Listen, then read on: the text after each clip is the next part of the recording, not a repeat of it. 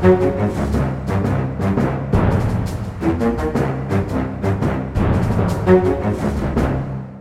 da ønsker vi velkommen til en ny utgave av podkasten Aftenpodden. Jeg er politisk journalist Lars Glomnes. Med meg har jeg Trine Eilertsen, politisk redaktør. God dag.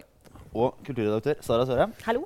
Takk for sist. Det er ikke så lenge siden vi satt her uh, forrige gang etter Nei. valgnatta. Dette begynner å bli hjemmekoselig. Jeg har sett dere mer denne uka enn jeg har sett uh, noen andre mennesker, inkludert familien min. Ja.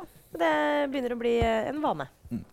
Men eh, nå har jo støvet lagt seg litt etter valgresultatet. Det i hvert fall begynner å falle litt på plass. Eh, og bortsett fra alle de spennende prosessene rundt om i landet, eh, så får det jo en del rikspolitiske konsekvenser.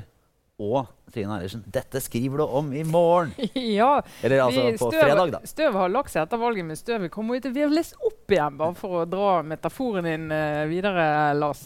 Eh, nei, altså det jeg skriver i morgen egentlig tre scenarioer for uh, den blå regjeringen i toårsperspektiv. Så vi må kunne leke oss litt med tanken om hva som kan skje. Altså, den mest opplagte åpenbare er jo at de fortsetter som nå frem til uh, valget i 2017 og går på et dundrende nederlag, og så får vi et skifte med Jonas Gahr Støre som samarbeider med de som vil.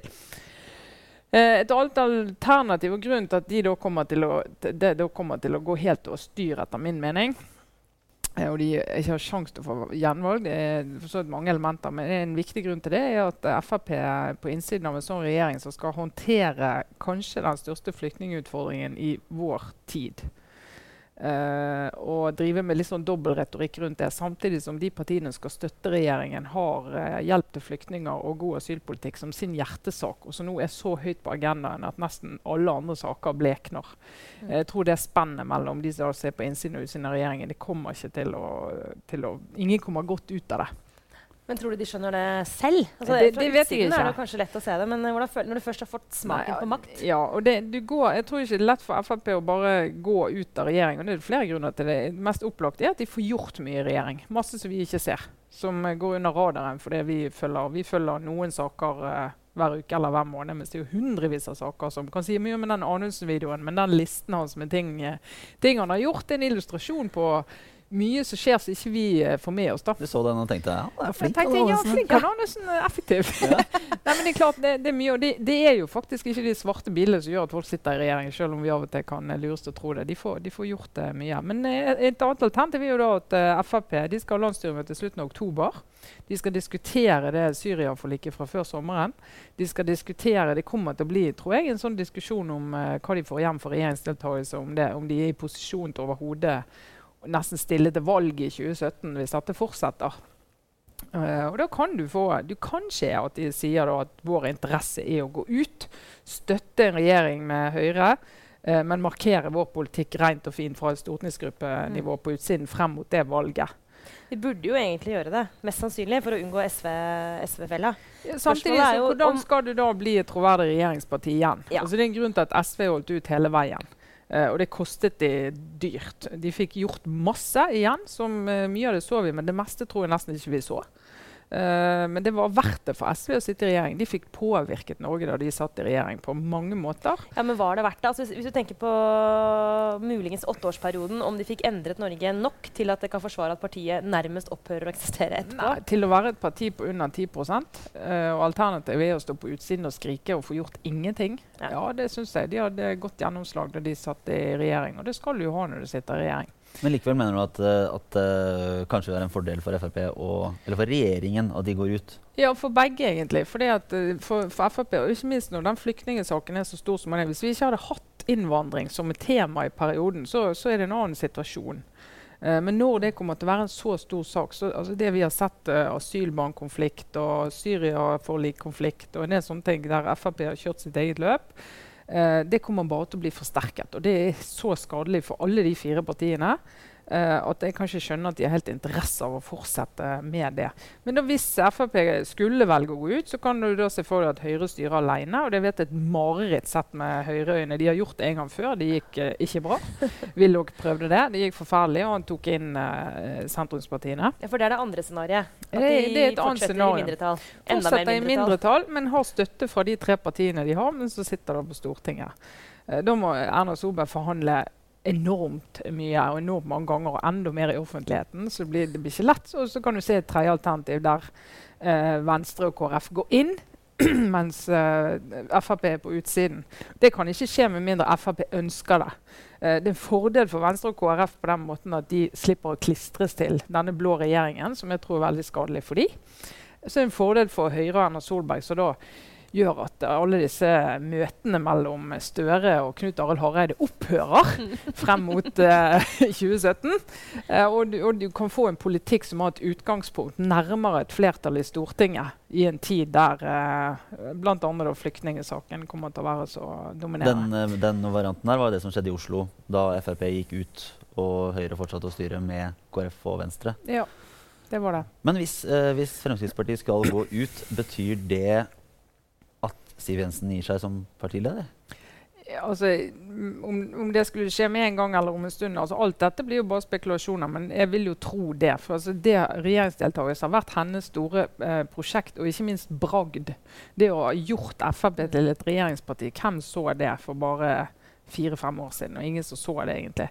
Eh, ja, I så fall er det et spørsmål hvem i all verden skulle tatt over. Altså, i, jeg, mitt inntrykk er at uh, det utgangspunktet ikke er uh, flust av lederkandidater i partiet, og at det i hvert fall ikke sett utenfra ser ut som de driver et veldig aktivt arbeid for å bygge opp uh, kronprinsesser og kronprinser etter Siv. Den naturlige arverekkefølgen ville jo være Per Sandberg. Uh, Solvik-Olsen har jo vært nevnt bland, av flere som den mest sannsynlige etterfølgeren, men hvis partiet går ut av regjering, så ville det vært rart kanskje, mm. og fortsette med en så regjeringstro uh, nestleder, eller altså ny leder som Solvik-Olsen? Ja, ja det, det, tror det ville være en helt ny situasjon for partiet, og ikke minst for partiledelsen. Da, for det er jo altså, og det, og det, er veldig, Jeg tror det er avgjørende hvis de skal gjøre det, hva prosessen frem mot det er.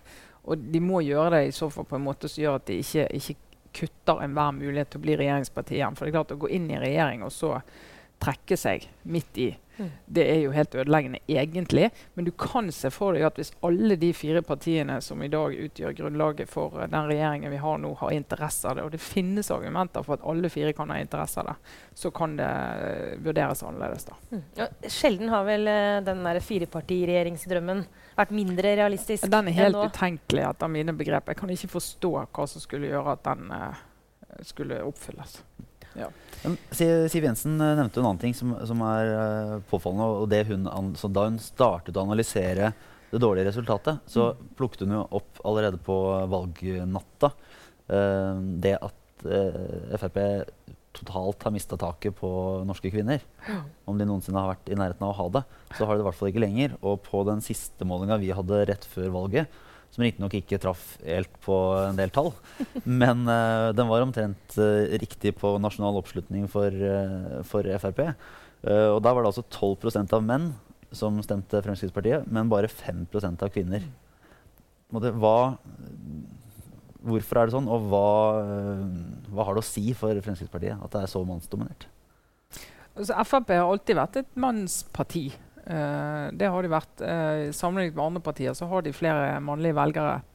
Uh, og så ser du på organisasjonen og i Frp. De har ikke kvotering, sånn som de andre har. sånn at du har ikke den måten å rykte frem kvinnelig talent på. og Det er en prinsipiell avgjørelse de har, for de tror ikke på det. Når du ser rundt Siv Jensen, er det jo ingen kvinnelige rådgivere. og i statssekretærapparatet er det få, om noen. Eh, statsråder er jo nesten bare én.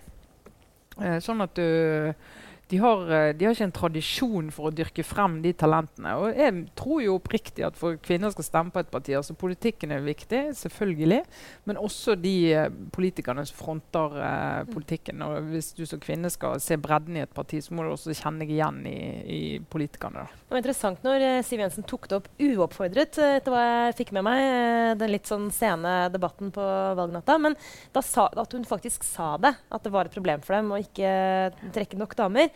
Det har jeg aldri hørt henne si før. Eh, sikkert vært sagt internt, men det at hun utad anerkjenner at det er et problem, og sier at uh, hun ønsker å gjøre noe med det, det er helt nye toner fra formannen i partiet, som alltid har vært ja. veldig tydelig på at kjønn egentlig ikke betyr noen ting. Ja, for da er jo spørsmålet om kjønn fremdeles ikke betyr noe. Altså, du mener at politikken blir like god og like variert og, og treffer like godt hvis den er laget av hovedsakelig menn som hvis han er laget av begge kjønn.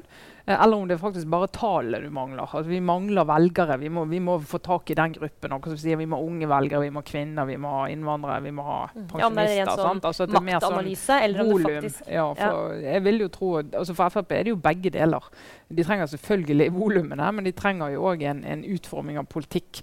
Og eh, være god på politikkområder som er viktig for kvinnelige velgere. Men nå, Uten at jeg kjenner de interne diskusjonene godt nok i Frp, men mitt inntrykk etter de samtalene jeg har hatt med sentrale kvinnelige Frp-ere, i den grad det fins, så er det jo at eh, de avviser jo at det å jobbe strategisk med utgangspunkt i kjønn er noe man i det hele tatt skal gjøre. Ikke sant? Så veldig sånn, eh, litt sunn, og, men også litt sånn, hva skal jeg si, ignorant eh, skepsis til alt som går på kvotering, eh, og som går på å bevisst løfte opp kvinner. Men poenget er at dette trenger ikke å handle om ideologi eller moral. eller noe sånt. Noe. Det er bare rent sånn praktisk så vet vi som sitter som ledere rundt omkring, at hvis du skal ha kvinner i posisjon, så må du ha en plan for det. Du må faktisk jobbe systematisk med det. Og så trenger du ikke å gjøre det til noe politisk engang. Det er bare sånn er det. Og det er mulig at eh, den realiteten nå skyller innover også Fremskrittspartiet som siste skanse. At vil de ha opp noen kvinnelige partitopper som igjen kan eh, verve kvinnelige velgere, ja, så må de faktisk jobbe med det. Nei, og jeg vet jo etter å ha prata med folk i partiet at de skal ta grep nå også organisatorisk, og at det pushes på med en faktisk innsats der. Hva må til da, Trine? Nei, de fleste partier har jo eh, jentekurs og si, kvinneprosjekter for å utvikle talenter fra de er tenåringer. Eh, og vi vet at eh, jenter og kvinner har høyere terskel for å gå inn i harde ordskifter, for å stå fronte veldig tydelige standpunkt. Eh, de sier det selv, og vi merker det når vi skal hente kilder, eh, når vi skal lage saker. Selv veldig kompetente og rutinerte. og egentlig til dels mektige kvinner de har ikke lyst til å fronte standpunkt tydelig, og de, de gruer seg for å gå i et offentlig ordskifte. Jeg vil jo da foreslå å plassere flest mulig i Nobelkomiteen, som er et, eh, et sted der man får testa de harde verbale slag. Ja, uten at det kommer ut i offentligheten. Ja. Før Ja, før- en liten stund senere. Ja, med en gang du går ut av komiteen, får du i hvert fall testa. Ja, da er det bare å, å slenge løs. For vi har jo latt oss eh, engasjere av eh, godeste eh, Lundestads bok om eh, arbeidet i Nobelkomiteen, og ikke minst arbeidet med eh, Jagland. Ja, altså det, Jagland er gaven som bare fortsetter å gi i, i norsk offentlighet og, og norsk politikk. Det er jo type, altså det er Pandoras eske. Det kommer alltid en ny omdreining i, i støyen rundt han. Men denne gangen så er det jo i en sjanger som eh, vi ser stadig mer av, som er liksom den norske varianten av hevnporno. Eh, litt kjedeligere. Det er rett og slett en hevnbok. Eh, om ikke akkurat hevn, så i hvert fall en sånn 'jeg skal faen meg ha siste ord'. Sjangeren. Eh, som da etter hvert de fleste menn Apropos det vi har snakket om nå. Nei, forresten, det er feil. Det er en del damer som har gjort det også. Men, men i hvert fall den kulturen om at eh, hvis du har holdt på med et høyt konfliktnivå bak eh, en del eh, lukkede dører, sånn at de seierne du har vunnet på bakrommet, ikke er kjent i offentligheten, da kan du være sikker på at du da, når du går ut døra, skriver en bok om det for å vise frem at du var best, du vant. Og det er jo det Lundestad har gjort uh, i denne boka. Det, sies, det er jo lang tradisjon i, i Norge for kjedelige politiske selvbiografier og uh, diverse verker, men det er noen gullkorn uh, blant dem også. Og, ja, dette er jo ikke første gangen vi ser en, eh, en sånn type bok. Eh, fra, altså statsråder, eller eks-statsråder, har jo etter hvert eh, Vi kan jo ramse opp en del. Altså, vi har Carita Bekkemellem skrev jo en ganske bitter bok da hun måtte gå av. Ja, anklaget Jens Stoltenberg for å være konfliktsky og litt sånn ja. Og så kom fjottete. Grete Knutsen for et par år siden, en, uh, som en arbeiderpartipolitiker som få som er født etter 1980 1990 kanskje vet hvem jeg er, men hun Det var vel en av de giftigste uh, vi har vært borti i sjangeren siste årene. Ja, og Åslaug Haga skrev jo enda til en roman uh, etter sin tid i regjeringen, som heller ikke var så veldig grei. Men den hadde ingenting med faktiske politiske forhold å gjøre. Nei, Det er sant. Eh, Per Sandberg leverte jo også en, en fin, eh, fin liten uh, variant der han uh, kalte partifeller for brønnpissere og mente Siv Jensen hadde dolka han i ryggen. Og, Ja, Biljardkuler og sånn. Ja. Uh, og han gjorde jo det Han skulle jo gi seg. Så han kom med bok, og det, og det var litt sånn ja, Han har ikke helt gitt seg, men han skal jo gi seg. Og så kom han med den boken, og så ble det masse støy, og han er ikke på talefot med flere i partiet. Og så nei, jeg skal ikke gi meg likevel. Så er han faktisk nestleder og skal liksom bygge organisasjon og kultur i et parti der han har kalt flere sentrale tillitsvalgte for uh, egentlig idioter. Så det er jo Det er jo en- det er jo òg en måte å gjøre det på. Men, det er, men jeg, jeg føler Jagland og Lundestad er jo sånn uh, De har begge har egoer helt i norgestoppen. Ja. Så Nei, i verdenstoppen. Ja, ja, si internasjonal det- klasse. De, de kan faktisk konkurrere internasjonalt. De har vokst ut av Norge. Og det er derfor det selvfølgelig ikke er enden på visa nå. For det du kan være helt sikker på, er at når du har med sånne egoer å gjøre Uh, Ego trenger ikke være nødvendigvis negativt heller, men å ha med mennesker som vil ha makt, og har hatt makt, og ønsker mer makt. De gir seg ikke. Så dette blir ikke siste ordet. Det kommer til å komme altså, Jeg antar Jagland sitter og skriver på en bok. Uh, han har jo gitt ut noen, men eh, han, det, sann mine ord. Det kommer flere giftige bøker fra Det var, Jagland. det var ikke spesielt troverdig da han uh, lo litt og sa at uh, han hadde ikke noe interesse av å lese det her. Nei. Han hadde ikke tid rett og Nei, slett, til å lese sånne bøker. og Sånn. Og så lo han. Eh, og da tenker jeg at jeg, jeg, Det ser bra ut at han gjør det, for da virker han virkelig på høyden og veldig arrogant. Men jeg har liten tro på at det er det som skjer inni han. da, For det er jo veldig drepende karakteristikker eh, Lundestad kom med. Det er det virkelig. Men han, eh, en av de, noe av det mer konkrete var, også der var jo å påpeke hvordan Jonas Gahr Støre skal ha presset på eh, mot eh, utdelingen av, eh, av fredsprisen til Liu Xiaobo. Ja. Bra uttale, Lars. Ja, jeg må jo måtte satse litt der. ja. Det var, det var da Jonas Gahr Støre var utenriksminister, og det Lundestad skriver at han ved to anledninger eh, formidlet eh, at dette kom til å bli tatt veldig tungt. Eh, I Kina selvfølgelig, men òg i norsk næringsliv. Det vil bli veldig vanskelig med politiske relasjoner med Kina. som Han forutså det som faktisk skjedde da prisen kom. Og så blir det en diskusjon prøvde Støre å presse komiteen. Og da, eh, i mitt hode, så Hvis du skal overhodet være i posisjon til å kunne presse noen med noe som helst, så må du ha en eller annen sanksjon i bakkant. Da må du kunne si hvis ikke du hører, hvis ikke du lytter til meg, så skjer det. Det har ikke Støre, selv når han er utenriksminister, overfor Nobelkomiteen. Så jeg mener at det er forskjell på å presse og påvirke. Og påvirke, det håper han virkelig så mange som mulig gjør.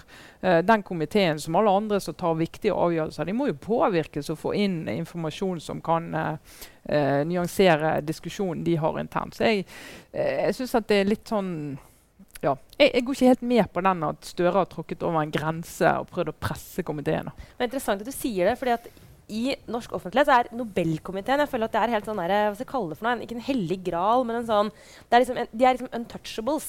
Det er liksom det, det er helt sånn helligbrødet å skulle på en eller annen måte prøve å koble de selvfølgelig, En ting er jo tett på den formelle politiske makta, det forstår jeg. Men også det hele tatt gå i dialog med dem og prøve som du sier, å, å påvirke. Uh, men det er litt underlig i og med at det er uh, politikerne som nominerer kandidater. Og det ligger jo et bånd der. Så eh, egentlig så er det ikke helt logisk at det skal være så gærent at, man, at politikere prøver det de kan. Men du er vel den eneste jeg har hørt så langt Trine, som faktisk mener at det er helt innafor det Støre har gjort. De fleste er jo enige om at det er helt uh, at han gikk over en grense der. Ja, nei, jeg synes at det Jeg mener at du må ha en sanksjon i andre enden for å kunne kalle det press. da. Og det selvfølgelig Du kan trekke folk ut av komiteen, men det, det er liksom ikke sånn at hele komiteen sitter og skjelver og lurer på om deres parti på Stortinget vil trekke ut medlemmer fordi at de har tatt feil avgjørelse. For det, altså, de har Ja, ikke vært der tro- ennå. Skal man tro Lundestad, så er det vel sånn at komiteen som, altså, sitter og leser avisen eller peller seg i nesa eller tenker på helt andre ting mens de blir påvirka. Tenker stygge tanker om hverandre. Ja, altså, i hvert fall skal man tro hans karakteristikker, så er det fall enkelte medlemmer der som har eh, tatt relativt lett på jobben opp gjennom eh, årene. Men selvfølgelig litt av utfordringen til komiteen er jo nettopp det at de kommer, medlemmene kommer fra eh, politikken og er utpekt av, eh, av eh, partiene. Eh, sånn at den uavhengigheten til komiteen pga. det, den eh, vil jo alltid være diskutabel. Og vi kommer til å fortsette tror jeg, diskusjonen om sammensetningen og hva erfaring og bakgrunn de skal ha, de som sitter der. og Det tror jeg er bare sunt. Vi har, vi har, jo aldri hatt det før, nesten før de siste årene, når Lundestad annet, han har bidratt til det. syns jeg bare er bra. Mm. Ja, sånn sett er det veldig bra at sånne bøker kommer. Ok, Så er det et eh, element av person, si, personlig hevn. Eller i hvert fall et hevnmotiv, kanskje. Men det er jo også helt sånn eh, relevant å få frem i offentligheten. Både det indre livet i regjeringer og i Nobelkomiteer og alle andre lukkede rom. Så egentlig så håper jeg at uh, forlagene, hvis de nå ser at dette her også går rundt økonomisk, så uh, ingen grunn til ikke heie på denne trenden innenfor uh, norsk sakprosa. Både samfunnsliv Usaklig og prosa. debatten drives fram av ønsket om personlig hevn og, og vendetta. Ja, og vi glemte jo å nevne- Ja, ikke sant? Vi glemte jo å nevne Eli Hagen i stad, bare så det er sagt. Mm. Det var jo Ja, også en en, fest. også en, en, Så er det jo en bok jeg i hvert fall gleder meg til når den omsider blir ferdig. Men det blir vel noen år til, og det er jo Jens Stoltenberg sin bok. Eh, for han satt jo så lenge og sittet uh, Han var jo statsminister i to pluss en, en liten periode uh, rundt tusenårsskiftet. hvor han rakk å få en del fiender som har skrevet bøker. Men han har jo aldri svart, han har aldri kommentert. har ikke kunnet gjøre det. Han skriver jo sin egen bok, og jeg håper jo at han svarer på en del av det. At virkelig at han imøtegår en del av det. For det tror jeg kan uh, bli en interessant, uh, altså historisk uh, interessant å få hans svar på. De det er en helt egen selvstendig grunn til å håpe på verdensfred i årene som kommer. Mm. Det er for at Nato-sjefen skal ha tid til å skrive bok. Så hvis vi kan henstille krysset hans spor tidligere. Ja, nå er jo, vi, vi skal jo ikke ha sånn maratonvalgsending, så vi får vel uh, runde av for denne gang. Og så kommer vi tilbake neste uke. Da bør det vel kanskje ha skjedd noe i Oslo-politikken? De burde ha gjort, de sitter og diskuterer i disse dager Oslo som ikke fikk et rødt skifte, uh, men et grønt skifte. Der både Høyre, Frp og Arbeiderpartiet og SV gikk tilbake. Uh, og de grønne også kom. Så, det, så vi får se nærmere på hva de bruker makta til uh, etter hvert. Så da takker vi for oss for denne gang i podkasten Aftenpodden. Trine Eilertsen, Sara Sørheim og meg, Lars Glomnes. Takk for oss.